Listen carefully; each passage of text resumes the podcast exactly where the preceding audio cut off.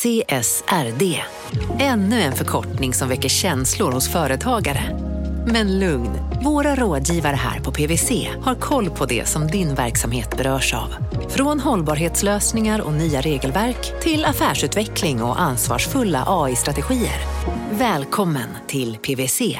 Välkommen till Unionen. Hej! Eh, jo, jag ska ha lönesamtal och undrar om potten. Ja, om jag kan räkna med övertidsersättning för det är så stressigt på kontoret jag jobbar hemma på kvällarna så kan jag då be om större skärm från chefen för annars kanske jag säger upp mig själv. Och hur lång uppsägningstid har jag då? Okej, eh, vi börjar med lön. Jobbigt på jobbet. Som medlem i Unionen kan du alltid prata med våra rådgivare.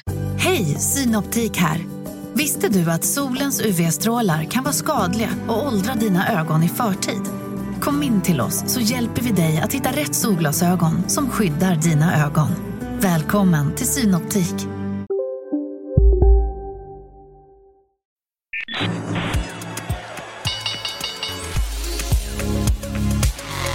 Det här är Affärsvärlden med Helene Rådstein. Hej och hjärtligt välkomna till podden Affärsvärlden där vi varje torsdag fördjupar oss i affärsvärldens journalistik. Jag är kvar i Göteborg och jag sitter här med Johan Eklund. Han är börsreporter och analytiker på Affärsvärlden. Och vi kommer att prata om Kappahls eh, nya vd, det som jag var hälsa på i Göteborg, i Mölndal. Och sen så kommer vi också prata om eh, ett aktieråd som Johan Eklund har sagt som har fått lite dåligt rykte förrän man sätter det i en kontext av nyproduktion. Men hör det verkligen hemma där? Detta kommer vi diskutera.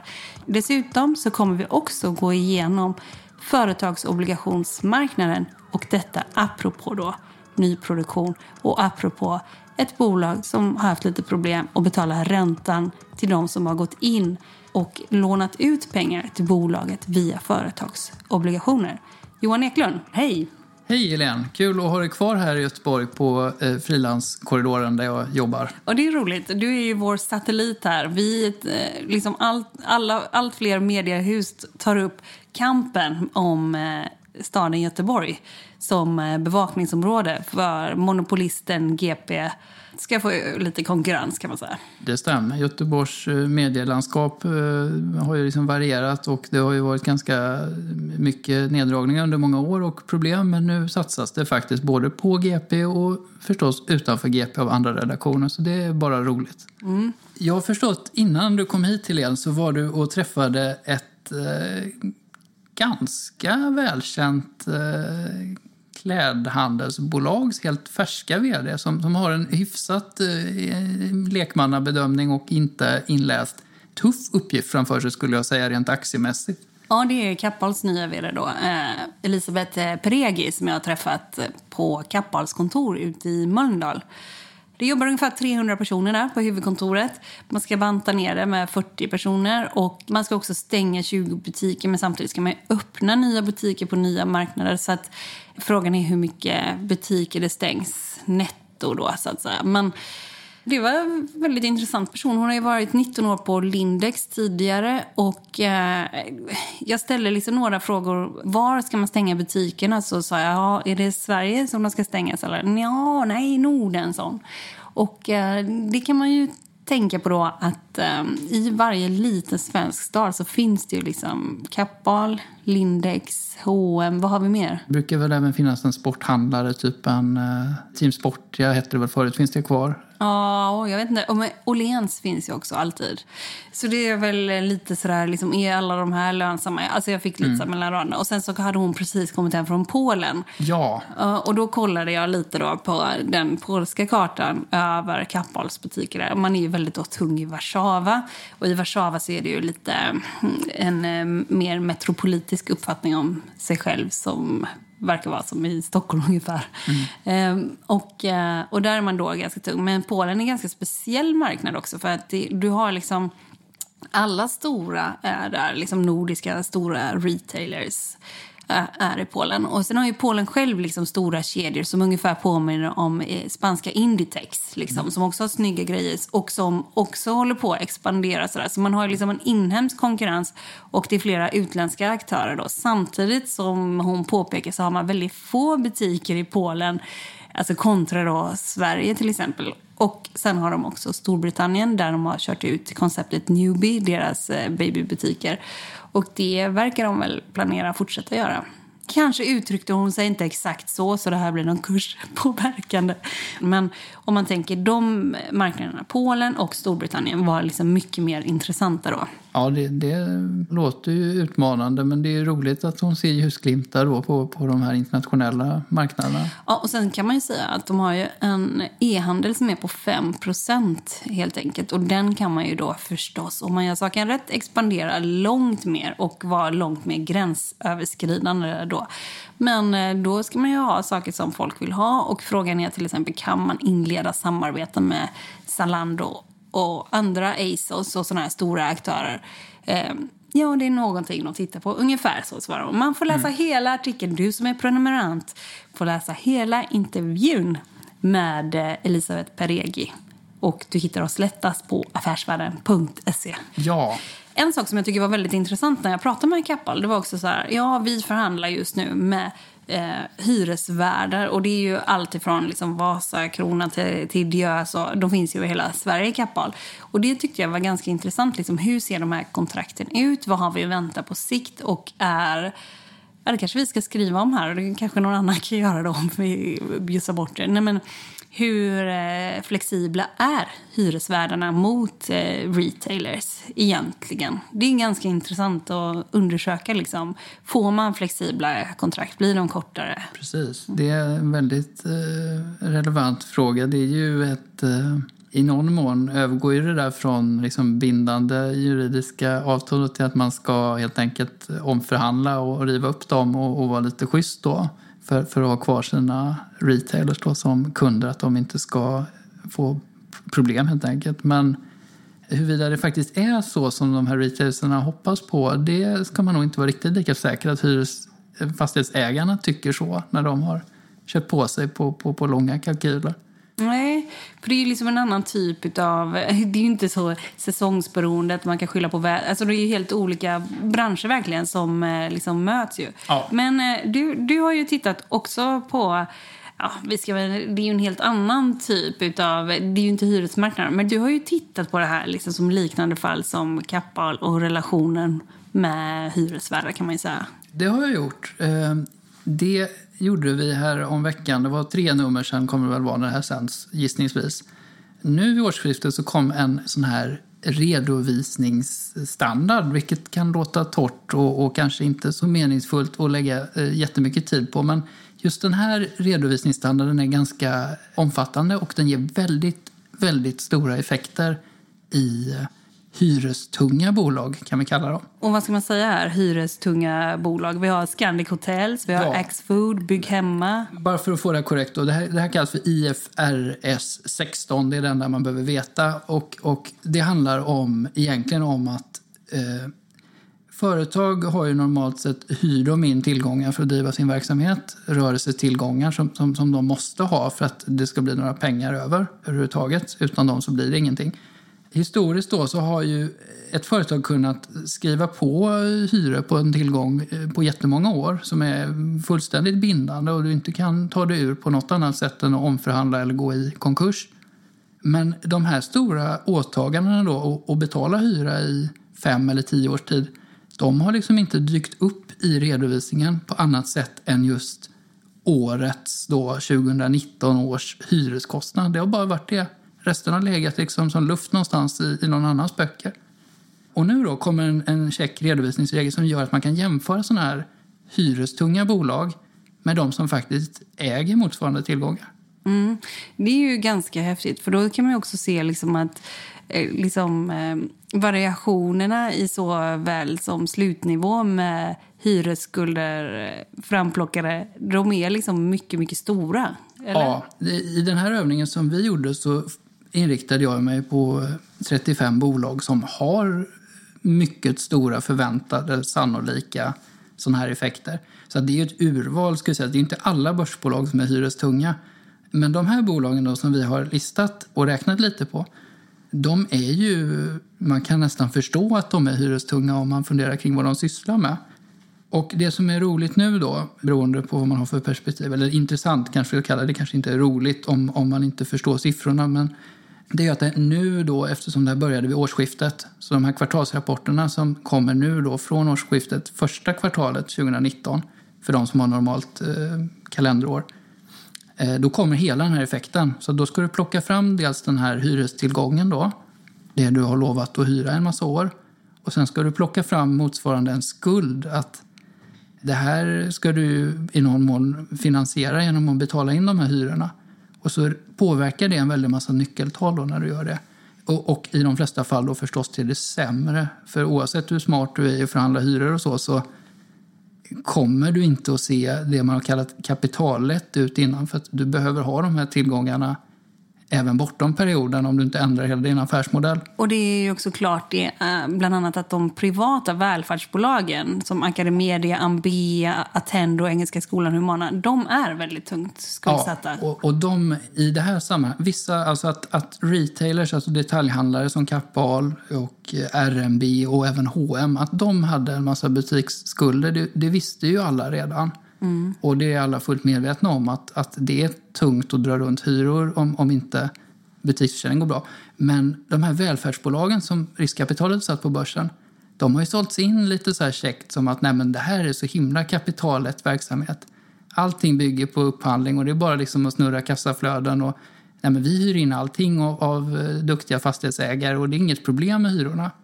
Men, men tänk själv om du ska driva en förskolekedja eller någonting. Visst behöver du en massa lokaler i en väldig massa år. Och de är inte gratis om de ska anpassas och byggas nytt eller, eller fixas. Så här finns eh, väldigt stora eh, hyresåtaganden som folk inte tänker på. Och när man justerar nyckeltal för dem så blir de här välfärdsbolagen eh, väldigt skuldsatta på en ganska politiskt osäker intjäning. Så de är inte alls såna här riskfria utdelningsmaskiner om, om man börjar fundera kring vad är det de har lovat de här fastighetsägarna och vad är det för pengar som ska betala fastighetsägarna. Det är upphandlingspengar och så som kommer att behöva kanske anpassas efter hur verkligheten förändras i politiken.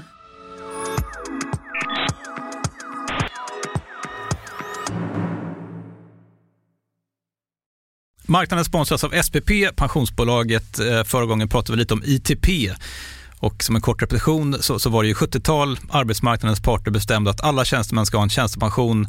Man kom överens om vilka villkor som ska gälla i den här pensionen och så kallade man den för ITP. Så jobbar man idag som tjänsteman i ett företag med kollektivavtal, då har man förmodligen den här pensionen, ITP-pensionen. Eh, och det är ju så att man kan påverka eh, den här pensionen, hur den är placerad. Vart femte år så gör nämligen Collectum, som de heter, en enorm upphandling där olika pensionsbolag kan ansöka om att få förvalta eh, de här pensionerna. Och SPP är ett av bolagen som valdes ut i den senaste upphandlingen. Och sen kan du som pensionssparare välja eh, vilket av de här olika pensionsbolagen som, som då ska få ta hand om dina pengar.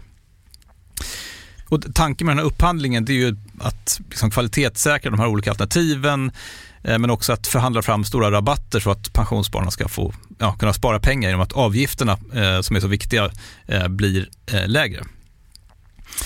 Och vill man välja någonting i ITP-systemet då finns det en relativt ny sajt som heter avtalat.se. Ehm, där kan man gå in och se hur sin ITP-pension är placerad. Jag gjorde det häromdagen faktiskt. Ehm, idén är att hälften av pengarna alltid ligger i något som kallas för traditionell försäkring. Det här gjorde vi ett avsnitt om i podden Kapitalet nyligen eh, som vi kallade världens bästa sparform. kan man lyssna på om man är intresserad. Eh, den andra halvan eh, den kan man också lägga i en traditionell försäkring eller så kan man placera det i något som kallas för fondförsäkring.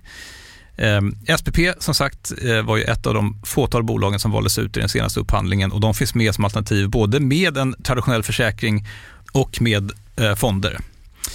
Så det var en liten bakgrund till ITP-systemet. Vill man läsa mer om det här eller typ kolla hur ITP-pensionen är placerad, eh, kanske göra förändringar, då går man in på avtalat.se Eh, men tack säger jag till SPP som vill göra oss människor mer medvetna om hur enormt viktig pensionen är för oss som en framtida lön, men också som en positiv kraft i samhället. Eh, och förstås för att ni möjliggör eh, den här podden Marknaden.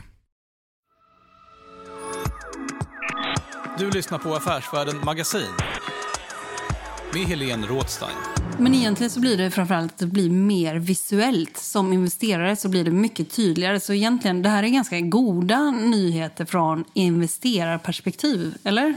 Ja, jag tycker det. Det finns ju en del förståsigpåare och, och erfarna investerare som, som tycker att det här är trams och att hyra är hyra och skuld är skuld och du kan inte räkna så här och så vidare. Men om man tänker på hur någon som jobbar med kreditanalys och något liknande eh, räknar så bortser ju inte de från att någon har lovat att betala en fruktansvärd massa hyra i tio års tid. Det, det är ju de facto pengar som, som inte kommer finnas över till, till utdelningar och annat. De ska gå till hyran. för om du inte omförhandlar så är hyran det är miniminivåerna man pratar om. Det är inte liksom vad hyran kan bli. Det är vad den minst blir. Mm. Vad har du fått för reaktioner på det här? Av någon anledning så, så har, har, väl inte det här kanske tilltalat så många, eh, i alla fall journalister. Redovisningsbyråerna så har hållit på och skrivit fina guider kring det här i flera års tid och, och sysselsatt massa konsulter. Då. Eh, och vart och vartenda börsbolag har ju behövt sitta i, i sin ekonomigrupp och räkna på det här. För det är börsbolagen själva som ska ta fram ett underlag som revisorerna ska godkänna. Så de ska ju liksom fördela vad den här hyresskulden är ungefär. Och så ska revisorn säga att det där är bra. Och, och, och så ska det in i böckerna sen. Så att det här är ju... Alla hyrestunga bolag måste hålla på med det här. Och det som blir nu då vid varenda sån kvartalsdragning är att alla ska hitta på egna justerade tal då som ska liksom... Eh, ja, men om det här inte hade skett så ska, kan ni ju tänka som ni gjorde innan då. är ju många variant att ja, men det här var visst ingen skuld så. Men jag tror det här är jättebra för att nu blir hyrestunga bolag mer jämförbara med de som äger tillgångar. Du lyssnar på Affärsvärlden med Helene Rådstein. Och sen har du ju tittat på, inte hyresmarknaden kanske specifikt, utan kanske det som rör då fastighetsägare och också privatpersoner via bostadsrättsföreningar kan man säga. Balco. Vi har tittat på Balco igen ja. i eh, börsblocket av affärsvärlden. Ja, och eh, lite taskigt så sa man ju tidigare pensionärsakvarium. Ja, eller kuvös va? Ja, kuvös också. Vi tar avstånd från det. Jag vet inte om man behöver ta avstånd. Jag, jag hade själv velat ha en inglasad balkong. Ja. Det, det, jag tycker inte alls det, det är någon åldersspecifik grej. Mm. Men du, eh, ett aktieråd här eh, som du har satt, det är köp. Varför då? Ja, vi sätter upprepat köp på Balco. Vår grundtes då för ett år sedan som skrevs av Andreas Johansson som jag tyckte var en bra grundtes då. Eh, den tycker jag håller fortsatt nu. Mm. Och det är ju då att Balco, eftersom det är byggrelaterat i allra högsta grad, det här med att renovera och sätta fina balkonger på eh, befintliga fastigheter, bostadsrättsföreningar som vars balkonger blir dåliga snabbt i Sverige för att det är kallt och det frostspränger och, och grejer. Man byter balkong oftare i Sverige det är ju lite mer renovering och värdehöjande projekt. Och liksom, när Balco själva får kalla det så är det ju 90% renoveringar ungefär. Men visst, där ingår ju också värdehöjande åtgärder på fastigheter som inte hade någon balkong. Men poängen är att det är inte så mycket nyproduktion. Och det är det som egentligen borde säljas ner på börsen i det här oroliga klimatet. En Balco-balkong då, som är en patenterad historia som, som enligt dem själva ska kunna hålla i upp mot 50 år. Det får de stå för. Men det, det är en, en bra avancerat balkongsystem med en massa patent från, från Växjö. Och de är populära och har, har bra kundbetyg och så vidare. Men i alla fall, en sån här balkobalkong, den kommer ju snarare att sättas upp som en renoveringsprojekt av hela bostadsrättsföreningen. Eller hyresvärden då, att den vill ta ut en högre hyra än att den kommer att bero på ah, hur mycket liksom, dyra bostadsrätter som ska produceras närmsta året eller två eller tre.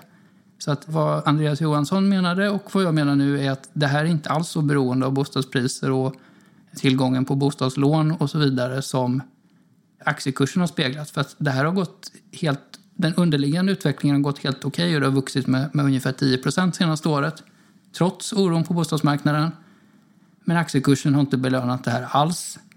Och vi tyckte det var billigt då. Vi tycker det är ännu billigare nu. För nu har de tilläggsförvärvat lite grann.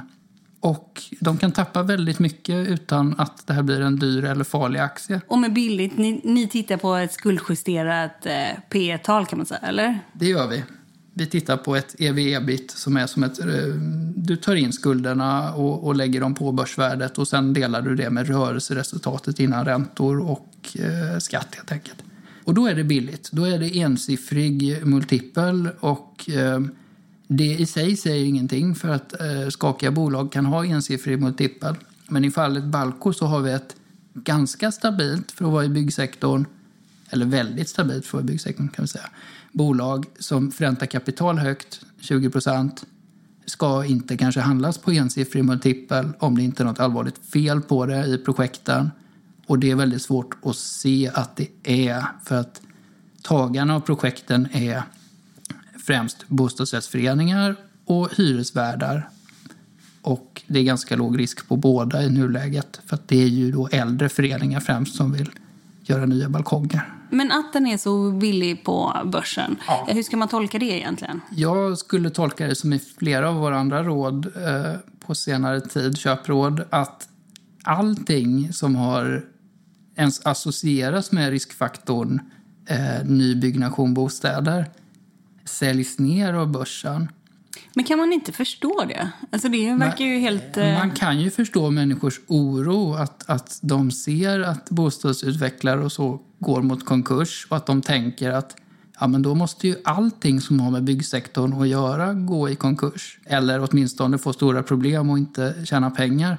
Men, men riktigt så enkelt är det inte för har du en nödvändig eller väldigt bra produkt som folk vill ha även i en dålig bygg bostadsfastighetsmarknad och som dessutom bygger på renoveringar. Det är klart att du kan tappa tillfälligt. Om du inte liksom tar en massa projektrisk så kommer du inte gå i konkurs bara för att marknaden är dålig. För, det kan man ju tänka liksom att det är så här mänsklig psykologi. Man läser ihop allting. Ett retailbolag går dåligt. Ett Mm. Ja. retailbolag går i konkurs. Som, Men- så, som JC till exempel. Ja, man gör en, en men- mental liksom, snabb bedömning som, som kanske mm, inte riktigt... Att man inte riktigt funderar kring graden av exponering. Att man bara ser, okej, det finns bygg någonstans nämnt eller i... i jag, jag läser bygg någonstans i det här. Det här ska, ska ur min portfölj. Jag vill inte äga det här nästa gång jag visar upp min, min eh, förvaltning här för, för investerarna. Och då kanske du säljer av ett fint bolag som är rätt bra även i en dålig marknad och som är jättebra då förstås den dagen bostadsmarknaden eh, blir mer stabil. Men det kan ju också vara så här. Om allt verkar lite skakigt eh, inom den här sektorn just nu och inom den här sektorn just nu, då tittar jag på andra sektorer. Liksom. Så slipper jag ens göra den grundanalysen. Absolut, men där ligger ju möjligheten att om du tittar i en sån här sektor så kan du kanske se att många av, av de här utförsäljningarna av aktier är ganska befogade för att det är osäkert om, om bolagen kan få nya lån eller så här. Men om du säljer då som, som Balco någonting som ändå är nödvändigt över tid. Du måste renovera balkongen för de blir farliga att stå på om de fryser sönder och, och det inte sker något på några år. De rostar i Sverige där det är kallt. Och som dessutom folk vill ha då när de flyttar till, till en bostadsrättshus. Att de kan tänka sig att betala några hundratusen extra om det finns sån här på plats. Eventuellt. Och då är ju Balco eh, mycket bra sak att sätta på ett eh, hus som behöver rustas upp. Det har nu gått tio år sedan, sedan Oscar Properties grundades. Vi är idag Stockholms största bostadsbyggare innanför tull. Ser vi till framtiden så har vi passat på i augusti att ta in 350 miljoner i en obligationsemission. Genom det så har vi en väldigt stark kassa. Vi har också breddat vår finansiering genom att både ha bank, obligationer och preferensaktier som verktyg för att finansiera framtida förvärv. Vad gäller nybyggnation, det känns ju helt märkligt att eh, snacka om det här och inte nämna Oscar Properties alls. Eh, nu kan det, kanske det här dröjer ett tag innan det här kommer ut, men eh, det är ingenting du skulle ta in i portföljen. Vi, vi har nog inga rekommendationer med vetligen i, i någon av hans aktieklasser eller obligationer, varken köp eller sälj. Och, nej, jag skulle nog räkna väldigt noga på det, för att det är lite rörlig materia nu när man gör om balansräkningen. Så att sitta tvärsäkert och säga att, att det ena instrumentet är, är dödsdömt eller ett klipp, det ska man verkligen inte göra om man inte har räknat i väldigt stora steg. För att varje sån där förändring man gör eh, kan helt ändra spelet framåt. Det blir en slags spelteori av det. Att vem gör vad först? Om den gör så, hur påverkar det i slutändan något helt annat? Så att det där blir svårt och någonting som, som nog främst proffsen ska hålla på med. Just Oscar Properties menar du? Bolag i den typen av situation där du har massa olika kapitalinstrument som liksom ställs mot varandra. För det som jag som lekman tycker vid sidan av det är ju att det verkar som att man har gjort en hemmasnickrad rekonstruktion helt enkelt. Man kommer överens med de som har obligationer i bolaget att eh, okej, okay, vi kan inte riktigt betala ut räntan nu, men kan vi komma överens om en deal här? Helt enkelt. Ja, men ungefär som vid rekonstruktionsförfarande helt enkelt. Men liksom, vad tror du om sådana upplägg på sikt? Det är nog ehm, i grunden bra att man eh, försöker att undvika en konkurssituation som långivare. Det är givetvis bra för aktieägarna eh, för att de skulle inte kanske ha så mycket att hämta i den typen av bolag vid en konkurs eh, om man måste sälja tillgångar snabbt. Så i grunden är det väl bra att man försöker att som långivare att helt enkelt eh, tyst medge att, att det här blev inte så bra och nu får jag en lite sämre fordran men, men eh, jag gör mitt för att liksom rädda helheten. Sen kanske det inte är så bra om de som ställer ut, eh, ger ut lån drivs till ett beteende där de sannolikt kommer hamna i sådana här förhandlingar Eh, regelbundet, då är det ju inte så bra. För då blir det ju liksom en del av liksom planeringen framåt. Att okej, okay, om det där inte går så bra så kommer jag behöva förhandla med en massa finansiärer istället för att driva min verksamhet. Mm. Och det är ju kanske inget som någon eh, entreprenör långsiktigt vill hålla på med om den ska, ska växa och, och, och bygga ett fint bolag. Eh, men visst, i en branschkris så, så kan ju även de bästa bolag hamna i, i liksom trångmål och då är det ju bra om inte de olika finansiärerna helt enkelt skjuter allt i sank. Men samtidigt har ju varje finansiär, får man tänka på, har ett ansvar mot den som i slutändan äger eh, kapitalet. Som stoppat in pengarna, ja. ja. Om du är en pensionsfond, och du kan ju inte bara för att vara snäll eh, rädda något arbetstillfälle eller, eller någonting som du kan tycka är sympatiskt. Du måste ju ändå se till dina investerare först. Ja, och, och där kan man tycka också att eh, man måste också ha investerarna med sig. Och man måste också garantera att man har de investerarna med sig när man gör vissa förhandlingar. Och där kan ju också trycket bli för stort, eller? Absolut, du måste uppnå olika andelar i respektive eh, låneklass för att kunna få igenom sådana här saker. Och har du inte det, om det blir osäkert, då kan det bli en slags chicken race där en viss låneklass är bättre placerad än en annan och, och, och helt enkelt inte vill bidra till en uppgörelse. Ja, för det här handlar ju om liksom företagsobligationer som bolaget själv har ställt ut. Ett sätt att investera ja. då. Det är det ju. Ja. Det, det, är det ju. Man, man, kan skapa de mest briljanta och, och vackra balansräkningar med, med, med, risk i en väldig massa lager där alla har en specifik plats i kön eh, om det blir dåligt. Men ju, ju fler sådana element man har, ju mer de ska samspela och komma överens i ett jobbigt läge, Eh, desto krångligare blir det och desto mer osäkert är det in i det sista om det faktiskt kommer att gå, även om alla vill komma överens. Mm. För det, det, är så avgörande att varje klass som har en lånefordran och inte får betalt i tid, ränta eller, eller återbetalning, att varje sån klass uppnår en, en viss majoritet eh, enligt olika regler. Det är väldigt lätt att något går fel, så det är därför folk är så nervösa. Det är ju inte att, att de är hispiga, utan det är ju de facto så att olika långivargrupper kan eh, i princip sänka alltihop om, om de blir, själva blir osäkra, vill eller, eller inte förstår. Och det kan de göra för att de, eh, företagen själva har inte haft råd att betala ränta på de här obligationerna som man har ställt ut. Alltså obligationerna, lånen som man har i bolaget kan man säga. Absolut, men det, det, är ju liksom grunden att lån, obligationer, det är, det är bindande kontrakt att du måste betala ränta och, och återbetala i tid det som står i kontraktet. Om du inte gör det, då har ju eh, långivaren rätten att kräva inbetalningen. Mm. Det är ju ganska mycket risk i företagsobligationer om utgivaren är inte superstabil och kanske cyklisk eller, eller projektberoende då är man ju liksom en liten girig mellantyp där som man ska ha de här 7, 8, 10 procenten då. Och, och, då får man ju förstå att det är en massa risk för att få dem där. Det är inte riskfritt.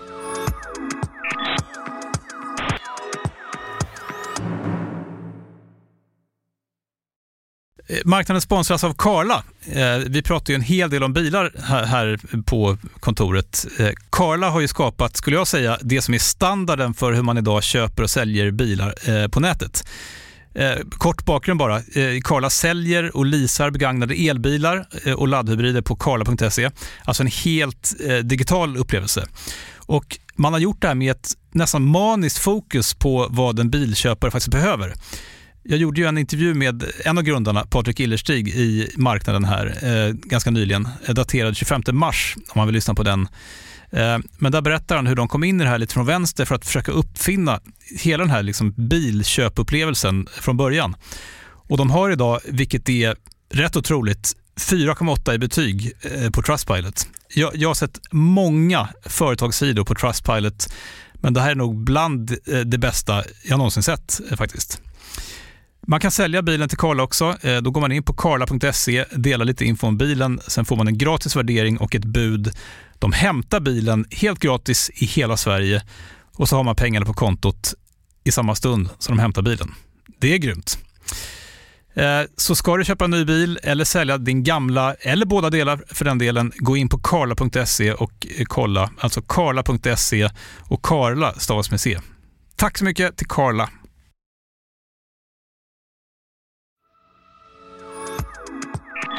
Du lyssnar på Affärsvärlden Magasin med Helene Rådstein.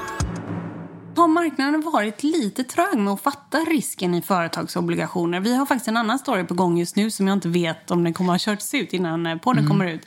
Men som handlar om en, eh, ett finansbolag som har hjälpt till att resa en obligation för någon av som sitter misstänkt för brott. Alltså ett bolag vars vd då sitter häktad. Ja, nej, jag skulle nog inte säga att marknaden generellt och särskilt inte de som sätter upp de här obligationerna. De är ju mycket väl medvetna om, om risker och statistik från utlandet och så. Så att, att sektorn har vuxit snabbt i Norden under en gynnsam period av låga räntor.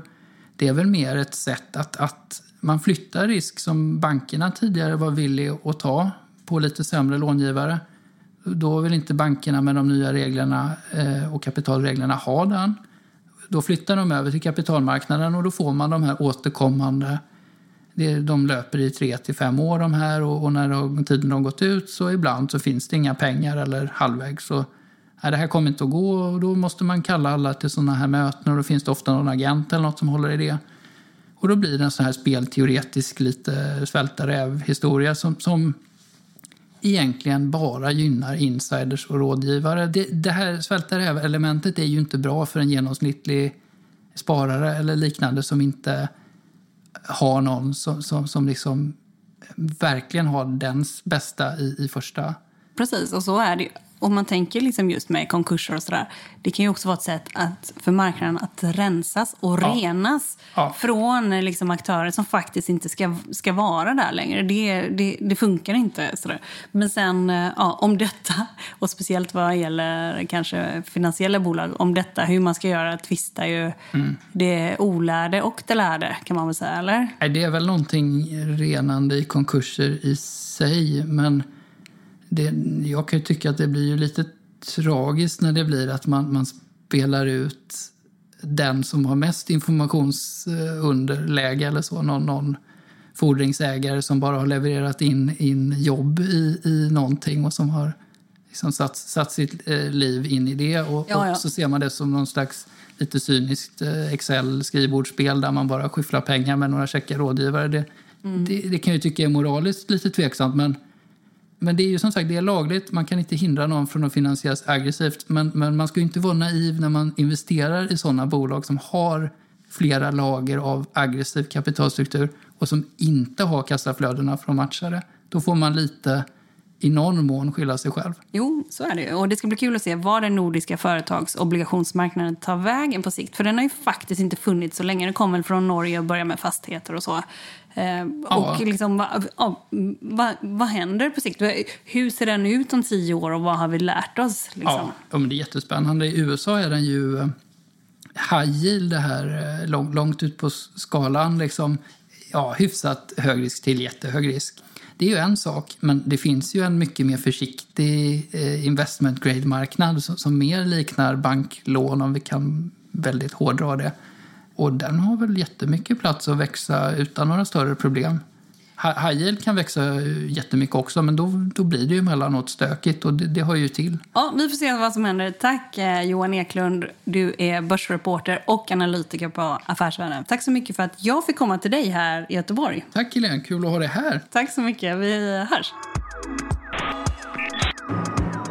lyssnar på en podd från Affärsvärlden. Jag heter Helene Rothstein. Mer fördjupande journalistik om näringslivet finns både på nätet och i Sveriges äldsta och faktiskt bästa affärsmagasin. Du hittar oss enklast på affärsvärlden.se och podden, den är tillbaka om en vecka. Håll ut!